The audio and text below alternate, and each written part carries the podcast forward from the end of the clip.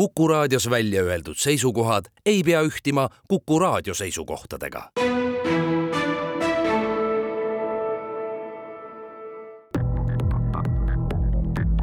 krimiraadio, Krimiraadio tere taas, on reede ning eetris on Krimiraadio. stuudios on ajakirjanikud Raul Ranne ja Karel Reisenbuk. ekspert Andres Anveltit, kes sel hooajal on samuti meie saadetes püsivalt kaasa löönud, täna stuudios pole. Kuid ta liitub meiega taas juba järgmistes saadetes. küll on meil saateks varus üks üllatav episood, aga sellest räägime veidi hiljem. tänase saate teemaks on äh, narkokullerid ehk niinimetatud äh, narkomuulad kümned või isegi sajad noored Eesti inimesed, keda rahvusvaheline organiseeritud kuritegevus on värvanud transportima narkootikume ja kes pahatihti on mõnes lennujaamas või piiripunktis ikkagi vahele võetud ning pikemaks ajaks saadetud välismaale vangi teemat aitab lahata Lääne prefektuuri kriminaalbüroo juht Margus Raspel, kes on teemaga väga hästi süvitsi tegelenud ja vägagi paljudes maailma erinevates nurkades asuvates vangimajades meie inimestega seotud probleeme lähemalt uurinud. tere tulemast Krimi raadiosse. tere ja juhin ka veel tähelepanu, et äh, kuulajal on samuti võimalus meie saates osaleda, ähm, küsida siis kas küsimusi või äh, niisama muljeid jagada, kirjutades Kuku raadio Whatsappi numbrile, mis on viis kolm nelikümmend viis viis viis null. Margus Raspel, kui veel viisteist või kakskümmend aastat tagasi oli meedias ikkagi rohkelt uudiseid eh, kusagil Ladina-Ameerikas vahele võetud ja vanglasse saadetud eh, Eesti narkokulleritest. Ja kümmekond aastat eh, tagasi siin kuskil räägiti ikkagi sellest vanglaelust ja tehti, eks ole, saateid vabanemistest, siis viimasel ajal kuuleb sellest kõigest kuidagi ikkagi harva. mis on juhtunud, kas siis eestlasi enam ei värvata sellele alale või, mis on juhtunud? jah, see ei, ei peaks olema asi, mida me nagu taga igatseme. no loomulikult, aga e,? aga ma arvan, et seal on mingi osa kindlasti selles, et e, on olnud politsei hea töö, et me oleme kinni pidanud neid e, kullereid värbanud isikuid, on kindlasti ka meedial hea töö, et on olnud neid saateid, lugusid, mis on sellise preventiivse mõjuga olnud ja samamoodi ma usun, et eestlaste ja äh, Eesti noorte äh, ka majanduslik olukord ja teadlikkus nendest ohtudest on äh, pisut paranenud. et see ei ole jah, õnneks täna enam äh, väga palju teema, et Eesti noored maailma vanglatesse narkokulleritena vangi satuvad kas te tahate öelda, et, et ikkagi see nii-öelda rahvusvaheline kuritegevus, organiseeritud kuritegevus, kes sääraseid kullereid kõikjalt üritab värvata, on leidnud mõned teised riigid ja mõned ähm, ütleme, madalama elatustasemega riigid, kust on lihtsalt hõlpsam inimesi sellisele tööle värvata? no mõned aastad läksid vist mööda, kui see meie buum kaldus juba sinna Läti ja Leedu poole ja ja ma tean, et ka täna on üsna palju olnud tegelikult just nimelt Läti kullereid erinevates maailma lennujaamades kinni võetud, kas siis kõhusiseselt vedamisel või, või kohvritega. ma eeldan, et äh inimesed või noh, ka, ka värbajad ja ka need kullerid on saanud kuidagi äh, targemaks, et noh, ei panda enam äh, kuskile nii naljalt äh, kuskile kotti omale neid narkootikume siis kuskile sisse pakituna onju, et, et kuidas need võib-olla see nii-öelda loogika ja, ja logistika ja see muutunud on eks need, need peitmisviisid, mis olid siin kümme-viisteist aastat tagasi kasutusel, on, on ka täna nagu sellised äh, klassikud ikkagi, kes tulevad äh, ümber kõhu teibituna, on sul kokaiinipakid ja. tõesti, jätkuvalt? on, on jah, aga, aga on ka, on ka peenemaid meetodeid, kasutatakse ära äh, erinevaid viise, kuidas lennujaamades ametnike tähelepanu hajutada, seal vanureid on ka väga julmi meetodeid, kus on äh, näiteks äh, rindadesse opereeritud kokaiinipakid, ähm, olen Bogota lennujaamas näinud, kus ühe Kolumbia naisterahval oli reie sisse opereeritud äh, circa kahesaja grammine kokaiinipakk, on pimedate saatjakoertesse, lemmiklooma kõhtudesse, et ütleme niimoodi, et nendel leidlikkusel ja julmusel ei ole väga piire. aga klassikalised need kõhuvedajad kes on endale kõhtu neelanud seal sada ja rohkem kapslit kokaiiniga, et see on jätkuvalt teema ja ja, ja mujal maailmas see paraku jätkub. ma ise kippusin selleks looks ette valmistudes mõtlema, et äkki, äkki on siin nüüd moodne postimajandus ka äh, olukorda muutnud, et enam ei pea nii personaalselt need asjad käima ja inimesed ei pea noh, ütleme ennast siis äh, ohtu seadma nii-öelda või riskeerima, kui saab asju pakkidega saata ja kuskile anonüümsetesse pakiautomaatidesse panna. see on ka jah, kindlasti üks asi, mis on võib-olla seda äh, transpordimeetodeid pisut äh, muutnud, aga noh, kui me räägime üldse ikkagi kokaiini salakaubaveost, siis see on nagu marginaalne osa, mis liigub äh, mis liigub kulleritega, mis liigub läbi lennujaamade, inimeste pagasis, et äh, tegelikult need kogused ja arvestatavad kogused liiguvad ikkagi konteineritega kui tohib, siis ma ikkagi küsiksin teie tausta kohta. hetkel olete te Lääne prefektuuri kriminaalbüroo juht, aga mis asjaoludel te tegelesite just nimelt Ladina-Ameerika vanglates siis karistust kandvate Eesti päritolu narkokulleritega? ma olen õiguskaitses üldse olnud pea kakskümmend viis aastat, et väga suure osa sellest ühte või teistpidi nurkapidi seotud olnud ka narkovastase võitlusega. ja sealhulgas olin äh, seitse aastat olin äh, Europolis äh, Eesti sideohvitserina. Ja, ja siis oli üks minu töö osa ju äh, rahvusvaheline koostöö. Ja sealhulgas ka siis jah, tõendite kogumine, tõendite mm, kogumisele kaasaaitamine teistest riikidest, mm, ülekuulamiste korraldamine teistes riikides ja, ja, ja siis ka jah, Lõuna-Ameerikas. Kas ka Lõuna-Ameerikas juba kohtu ette saadetud ja seal vangi pandud inimeste ma ei tea, aitamine või toetamine oli teie ülesanne? E, jah, nüüd te räägite sellest äh, kahe tüdruku loost, kes olid äh, Peruu vanglas. et äh, ametnikuna lõppes jah, tõesti minu roll selle asja juures kahe tuhande neljateistkümnendal aastal. et kui meil õnnestus kinni pidada needsamad tüdrukud värvanud nigeerlane Madridis ja ta Eestisse kohtu alla tuua aga ma käisin kahe tuhande kolmeteistkümnendal ise neid äh, tüdrukuid Peruus üle kuulamas, kui nad olid just kinni võetud. ma nägin nende seda noh, väga-väga rasket olukorda seal, kus sa, kus sa oled äh, üheksateistaastane, sa tegelikult äh, oskad paari sõna võib-olla inglise keeles rääkida, rääkimata muidugi hispaania keelest. ja, ja sa satud selle, selle koleduse keskele seal ja, ja noh, siis me tegelikult saime sellest aru, vähemalt mina olen selles veendunud, et et nemad olid pigem seal tõesti ohvritena kui kurjategijatena ja, ja paratamatult jäin ma nagu väikseks sidemeks nendele siin äh, noh, alguses telefoni teel vanematega ja aidates seal raha saata ja, ja nii edasi, et ühega nendest jah, ma olin kogu need kaheksa aastat ikka telefoniühendus.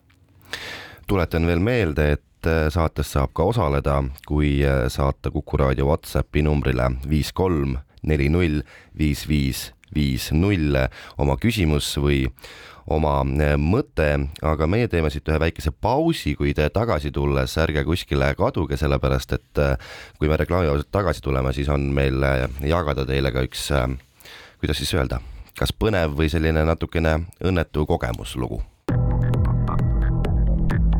Krimiraadio.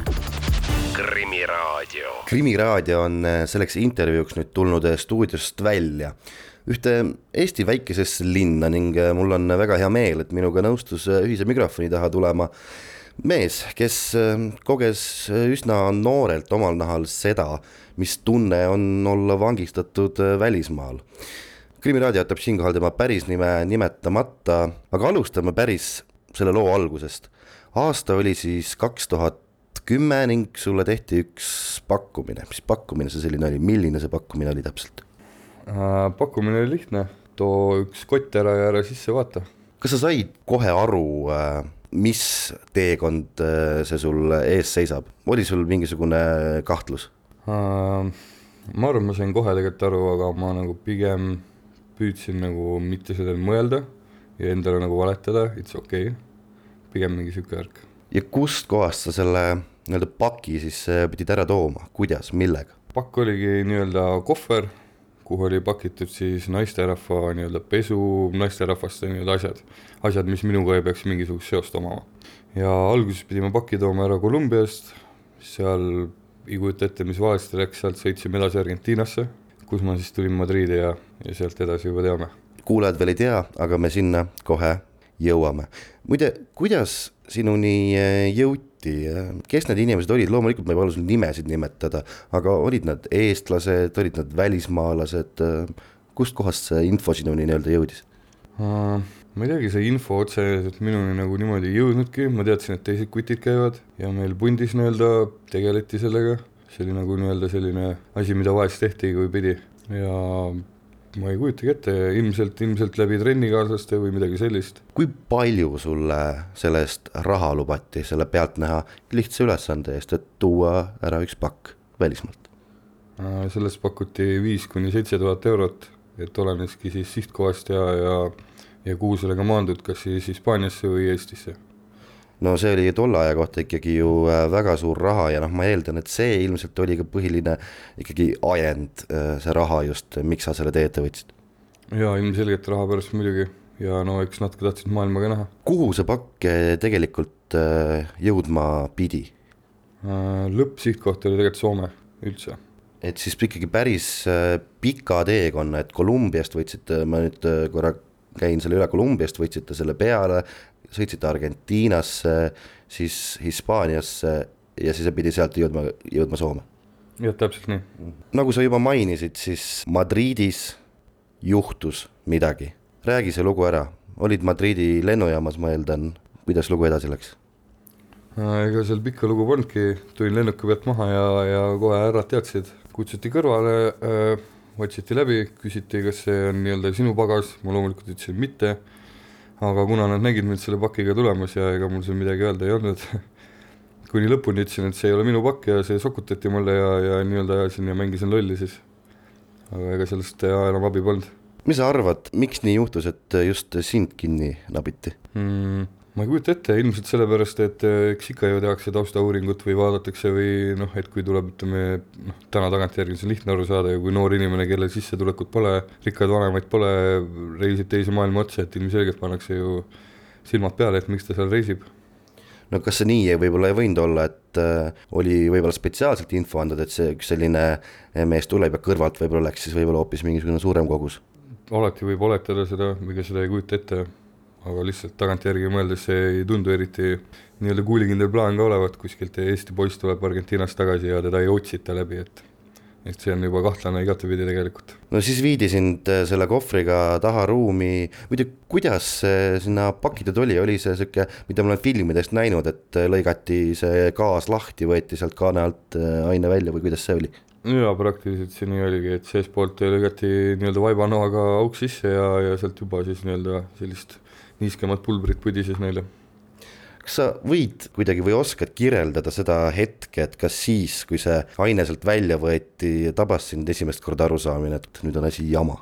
ei no siis said ikka aru jaa, et siis juba ilma ropendamata ei väljendaks seda tunnet, aga jaa, ja siis juba korraks varises kogu maailm kokku ja no kuidas see protsess sealt lennujaamast äh, edasi läks, mis äh, sinuga tehti? ega otseselt ei tehtudki midagi, otse vanglasse siis seina ääres pildid, näpuhääled ja, ja läksin nii-öelda kohut ootama ühest vanglast, siis oli nii-öelda circa kuu aega ja siis sealt läksid edasi järgmisse vanglasse, kus ma siis lõpuni olin. kaua sa seda kohut äh, ootasid äh,? kui ma õieti mäletan, siis peaaegu poolteist aastat.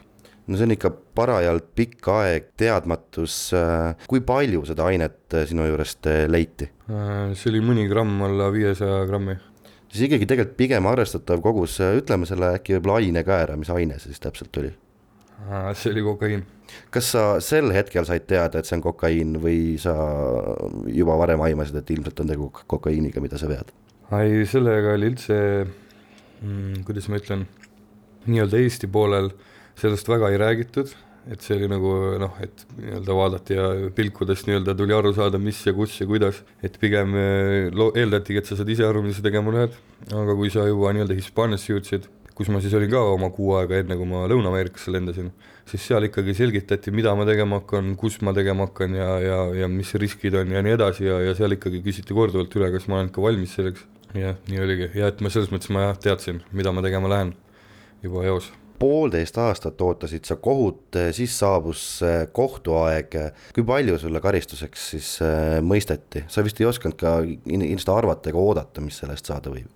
alguses, kui nii-öelda esimene süüdistus esitati, siis mulle küsiti üheksa kuni kaksteist aastat, aga mul õnneks joppas või nii-öelda vedas siis, et äh, nii-öelda Eesti poolelt siis äh, mind aidati kõvasti ja mulle hangiti advokaat ja tänu siis sellele advokaadile äh, saime me siis kokkuleppemenetluses kolme aasta peale, aga ma ikkagi soovisin nii-öelda siis täie menetluse peale minna ja lootuses vähem saada, kaks aastat ja kahe aastaga ma oleks siis nii-öelda koju kõndinud aga lõpuks ikkagi ma sain neli aastat ja ühe kuu. kui see sulle ette loeti, see lõplik karistus, no mis tundeid see tekitas uh,? eks natuke olid pettunud, sest väike osa ikka arvas, et sa saad välja, aga enamus oli juba ikkagi leppinud, et et tuleb võib-olla kaks-kolm aastat veel olla. Et pigem niisugune kergendus, teadsid, kaua jäänud on ja nii. sa istusid vangis Hispaanias. võid sa kirjeldada, milline näeb välja üks vangla Hispaanias? no eks ta umbes selline välja näebki, nagu sa filmidest näed ja piltide pealt näed, ega ta midagi muud ei ole, ilmselt ta ei ole lihtsalt nii ilustatud ja värviline ja, ja tore kui telekas, aga eks ta midagi sarnast on nagu Eestis, ega seal midagi teistmoodi pole. Kuidas sa seal kohanesid, selles mõttes, et äh, sa ju ei rääkinud äh, tol hetkel äh, sõnagi hispaania keelt, ma ei tea, palju sa inglise keelt rääkisid, inglise keelt sa ilmselt rääkisid, aga kuidas sa seal kohanesid, ega nad seal ju väga inglise keelt vist ei, vanglas ei rääkinud?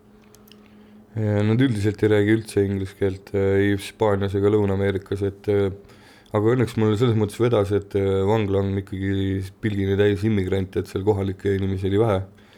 Ja siis kohtasid ikka inimesi, kes inglise keelt rääkisid ja sealt nii-öelda siis samm-sammu haavalt ikkagi, ikkagi õppisid selle hispaania keele ka ära.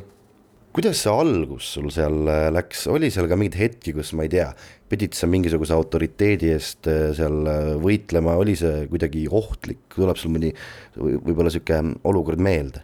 ma ei ütleks, et otseselt ohtlik, sest ega nagu kellelgi nagu ei ole plaani sind seal nagu ära tappa või midagi, aga ma mäletan alguses, kui ma sattusin ühe Islandi poisiga suhtlema, siis ta rääkis mulle, tähendab, ma ise küsisin, et miks need kutid igal pool värviliselt on. ja täpselt nii nagu filmides siis ta ütles mulle, et siin on gängid, mille peale ma muigasin mm, -hmm. et need gängid okei okay. ja siis ta nagu ütles, et sul oleks mõistlik kellegagi liituda, et, et nagu ega nüüd see on nagu otseselt mingit tähtsust ei oma, aga kui sa üksi oled, et siis sind poogitakse lihtsalt. ja siis ma alguses hoidsin ikka oma hoiakut, et ma saan üksi nagu nii-öelda hakkama, mul ei ole vaja ja kuni kolmanda päevani, siis kui ma duši alt tulin ja mu nii-öelda tossud olid ära varastatud ja mul olid ainult plätud. ja ma läksin siis selle Islandi kuti ette küsisin, et mida ma nüüd tegema peaks, siis ta ütles, et no nüüd sa pead selle kutiga ilmselt kaklema siis oma tossude eest. ja hiljem pati all ma nägin, kelle jalas mu tossud nii-öelda olid ja see oli üks päris suur neeger. ja, ja ma ei tahtnud temaga kakelda ja siis see, see nii-öelda Islandi poiss küsis uuesti, et kas sa siis tahaksid äkki meie pundiga liituda ja, ja, ja ma siis lõpuks nagu pool naljaga nagu ütlesin, et oi, et äh, ei tahaks oma asjadest rohkem ilma jääda, et kui see on see, mida ma tegema pean, et siis ma liitun teie pundiga. siis ma liitusingi selle pundiga ja sealt läks elu edasi ikkagi palju kergemaks. tossud said tagasi? tossud sain tagasi. katsume seda vanglaelu kuidagi äh, kirjeldada, milline su päev seal vanglas äh, välja nägi? noh, võtame umbes siis kuskilt nii-öelda, kui pool istutud oli või, või selline argipäev. mina käisin nii-öelda tööl ja koolis, et äh, oleneski, kuidas kooliga oli, et vahel oli kool õhtuti, vahel hommikuti, aga isegi vanglas peetakse nii-öelda siestat. ja, ja vahest siis käisid nii-öelda koolis enne siestat või peale siestat ja tööl siis vahelduvalt. ja mõned tunnid oli vaba aega, tegime jõusaali, mängisime korvpalli ja ega muud ei olnudki jah, selline rutiin väga,, väga-väga tugev rutiin. kuidas su lähedased teada said, et sa ei tule enam niipea koju, kuidas nad reageerisid? Ehm, no eks ma arvan, et nad olid kurvad ikka, aga ma arvan, et nad olid šokeeritud pigem jah, sest nad ei osanud aimatagi, et ma midagi sellist teen, ma arvan, et kellelgi polnud õrna aimugi.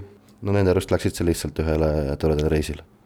Ehm, jaa, midagi sellist sa korra juba advokaati mainisid, aga kas Eestist prooviti sind ikkagi aidata, et sind sealt varem tagasi saada, sa sellest advokaadist rääkisid, et see tugi oli ikkagi siis Eestist nagu olemas?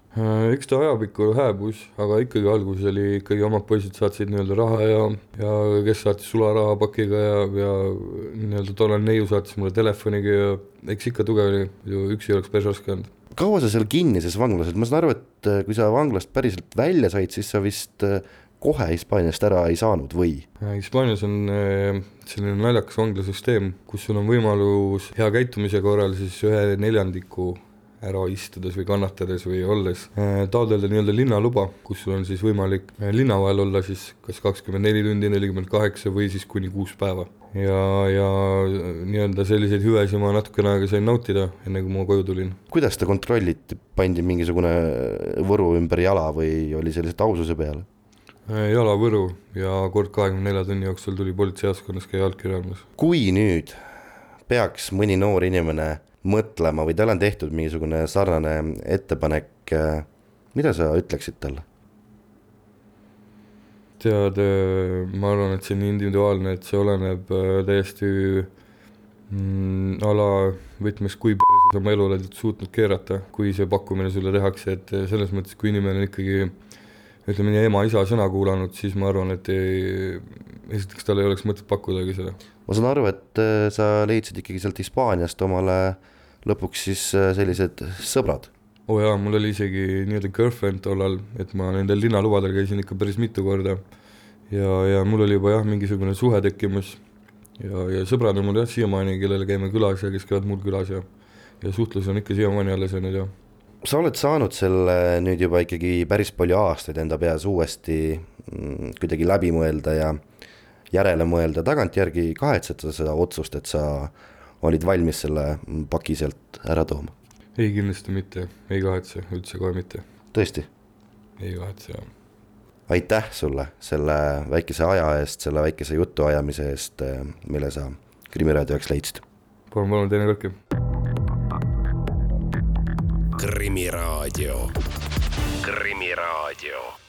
krimiraadio jätkub jälle stuudiost stuudios ongi ajakirjanikud Raul Ranne ja Karel Reisenbuk ning Lääne prefektuuri kriminaalbüroo juht Margus Raspel. tänase saate teemaks on narkokullerid ehk siis narkomuulad.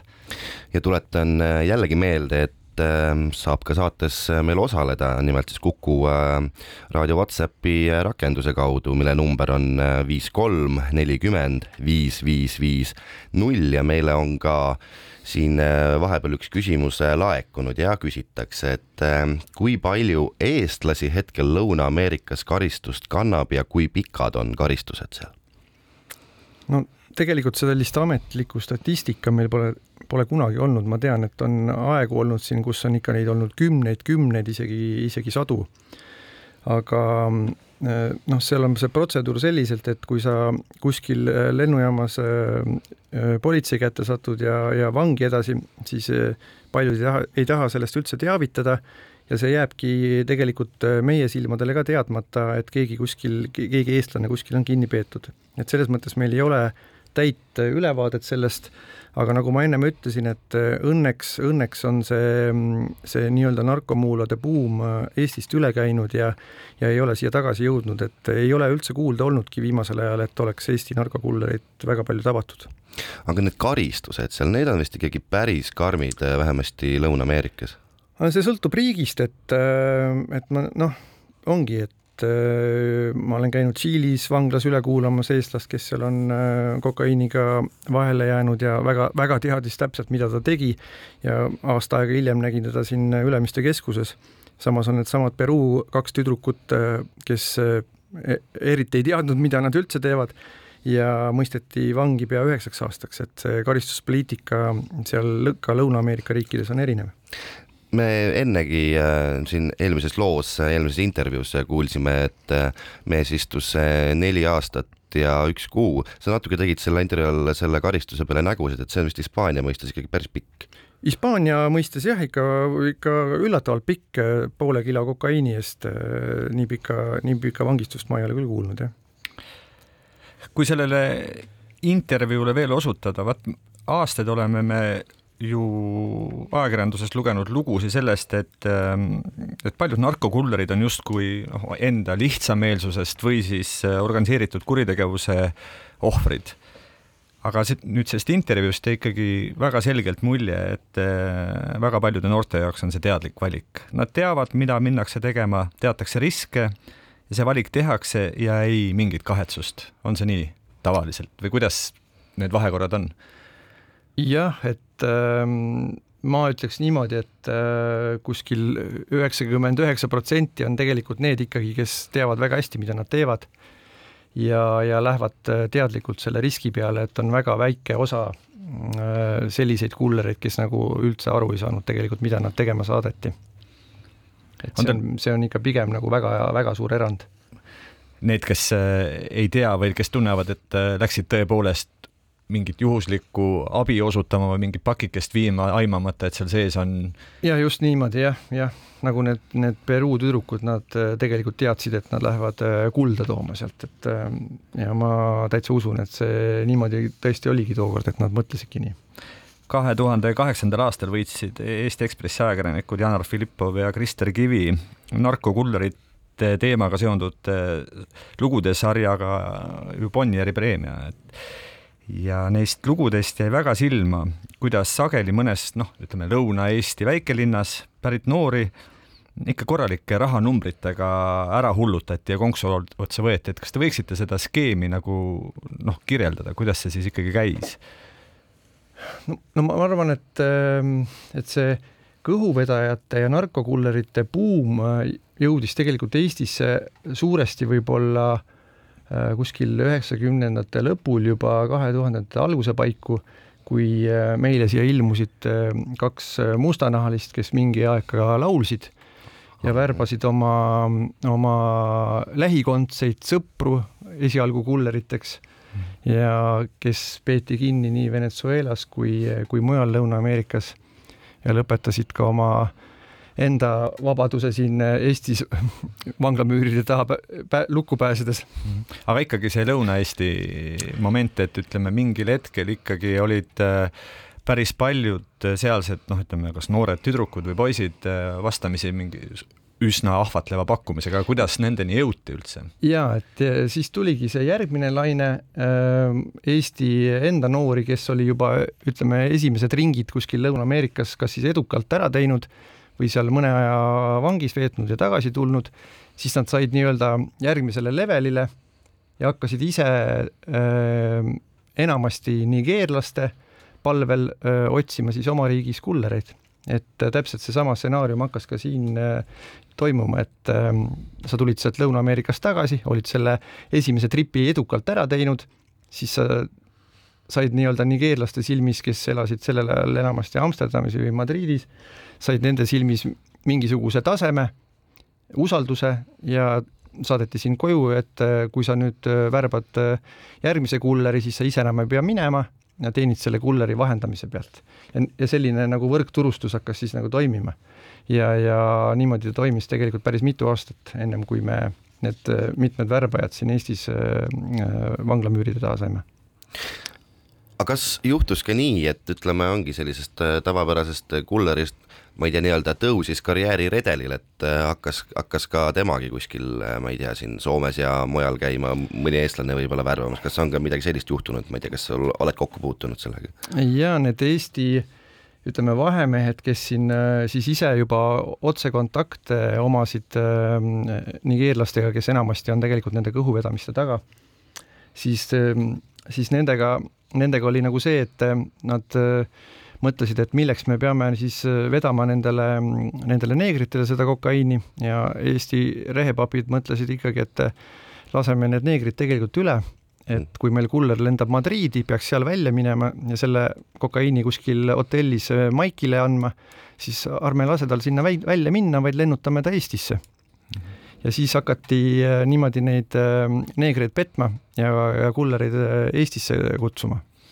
no tavaliselt sellistel puhkudel süsteem ei andesta, et mis siis juhtuma hakkas? siis olidki arvete klaarimised, oli, oli see, et noh, kaotasid nad oma kontaktid Lõuna-Ameerikaga ja, ja oli siin ikkagi täitsa selliseid, selliseid juba ohtlikke, ohtlikke kontakte, kus, kus neegrid käisid Eestis taga otsimas neid äh, nii-öelda vahemehi, kes neid petnud olid mulle meenub nendest äh, tippaegadest ka seigad, kus kohalikes maakonnalehtedes olid väljas ka kuulutused, noh, üsna, üsna niisugune nahaalne äh, värk, et äh, olid kuulutused, et otsitakse noori inimesi, kes võiksid teha väikest viisi transporditööd või midagi taolist. vastab see tõele? jaa, täitsa võis olla jah, et, et need värbajad värbajad äh, ennem kui siis äh, kuller missioonile saadeti, tehti nii-öelda kutsesobivustestid nendega läbi. ma tean täitsa konkreetseid juhtumeid, kus on, ostetigi poest pakk miniviinereid ja, ja kästi need viinerid tervelt alla neelata, et siis demonstreerida võimekust, et sa oled valmis ka seal Kolumbias või Peruus neid kapsleid alla neelama siis järgnes sellele briefing, et mismoodi lennukis vastu pidada, et need munatsust enneaegselt välja ei tule, et mhm. kinnistid mitte süüa, mitte juua mm. -hmm no kõige selle peale tundub muidugi ekstra naiivne arvata, et kõik see ikkagi ei ole seotud narkootikumidega nagu mõnel puhul või?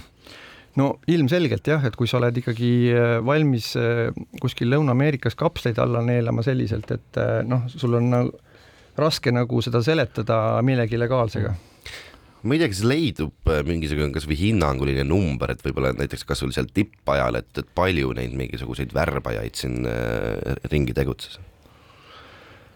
Väga, seda... väga raske öelda, sellepärast et äh, osad värbajad ikkagi äh, omasid siin nii-öelda neid vahemehi ja värbajad ise olid ikkagi, olidki Hollandis, Hispaanias, elasid seal ja korraldasid, korraldasid siit läbi nii-öelda nende vahendajate, nende kullerite saatmist. et äh, siit saadeti lihtsalt sinna äh, ütleme, Maikile, Maikile Amsterdami saadeti nimi ja, ja sünniaeg ja Maik Amsterdamis saatis lihtsalt lennupiletid ja, ja läkski sõiduks no meil on lihtne süüdistada inimesi lihtsameelsuses ja naiivsuses, aga, aga oletame, et keegi hammustas selle olukorra läbi noh, enne seda, kui läks sõiduks ja maksmiseks. kas tegelikult reaalselt oli võimalik taanduda, kui sa oled juba ühe jalaga nagu nii-öelda süsteemis sees? no ma arvan, et ikka oli võimalik jah, aga noh, sellega võis äh, kaasneda kas mingisugune rahaline trahv või füüsiline karistamine, et, et tulen jälle tagasi nendesama kahe tüdruku juurde, kes Peruus kinni peeti, et nemad olid äh, hotellis selle kohvriga, kus sees oli kokaiin immutatud, mida nad ei näinud seal sees Nad tükk aega mõtlesid, et kas me ikka lähme sellega lennujaama. ja, ja siis nad ikka jõudsidki arusaamisele, et, et see Mooses, kes neid Madridist värbas selleks, saab võib-olla väga pahaseks ja hakkab nendelt tagasi nõudma seda piletite raha. ja siis nad võtsid selle kohvri kaasa ja järgnes kaheksa aastat Peru vanglas. aga teeme siin veel ühe väikese pausi. krimiraadio, Krimiraadio krimiraadio jätkub, stuudios on ajakirjanikud Raul Ranne ja Karel Reisenbuk ning külas täna Lääne prefektuuri kriminaalbüroo juht Margus Raspel ja teemaks, kes on püsinud kogu raadiolainel, teavad, et on täna narkokullerid ja tuletan ikkagi veel meelde, et saab meie saates ka Whatsappi kaudu osaleda siis numbrile viis kolm neli null viis viis viis null sõnumeid, küsimusi, mõtteid saates. Margus Raspel kui palju te olete eh, hiljem suhelnud nendega, kes on mõnes eksootilises või vähem eksootilises riigis vanglas karistust kandnud ja sealt välja tulnud? no ega ma otseselt niimoodi suhelnud eh, peale Anneli ei olegi, kes oli Peruu vanglas üks nendest tüdrukutest. tema käekäiku ma tean, et eh, tema vanglast välja tulles pööraski oma elus täiesti uue lehekülge ja, ja elab korralikku elu sai esimesel nädalal põhimõtteliselt Eestisse naastes tööle ja on sellel töökohal juba seal sellest ajast peale karjääriredelil tõusnud, oma, oma kodu soetanud ja elab täitsa korraliku inimese elu. aga olen ka näinud ikkagi väga palju neid, kes on äh, seal äh, vanglas olles äh, välja tulnud võib-olla ära kasutanud oma sealseid kontakte, mida on loodud mm, ja jätkanud äh, kuritegude toimepanemist võib-olla siis järgmisel levelil, et äh, kas siis tõustes või langedes.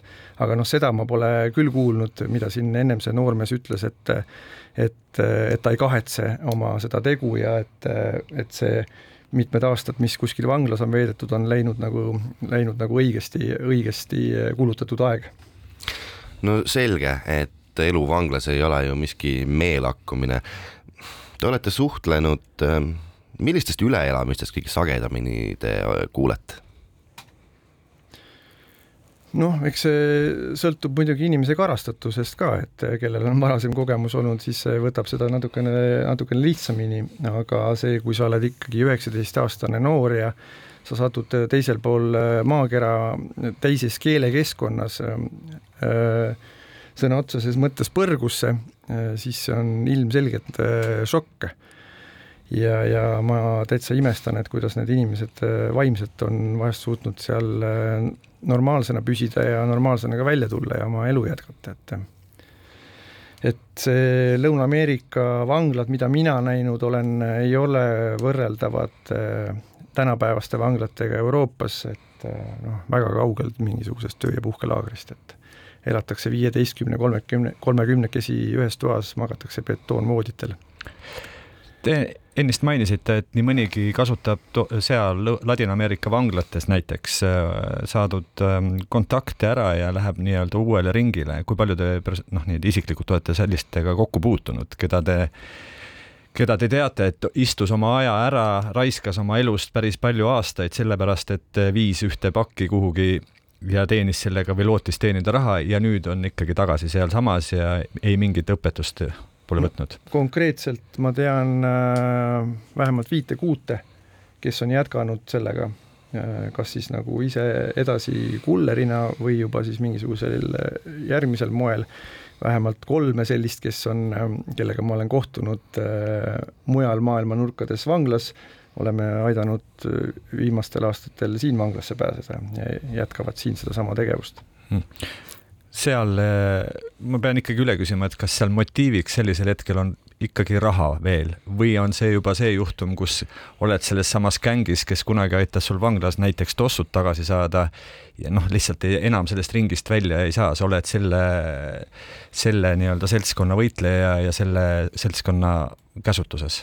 no ma arvan, et, et see ongi see, et kui sa oled ikkagi oma mingi noorpõlve parimatest aastatest seal kümme või viis aastat äh, olnud, olnud selles põrgurattas, sealt välja tulemine on, on väga raske, et ainult tugevamad võib-olla saavad sellega hakkama, et jätkata normaalset elu välja tulles.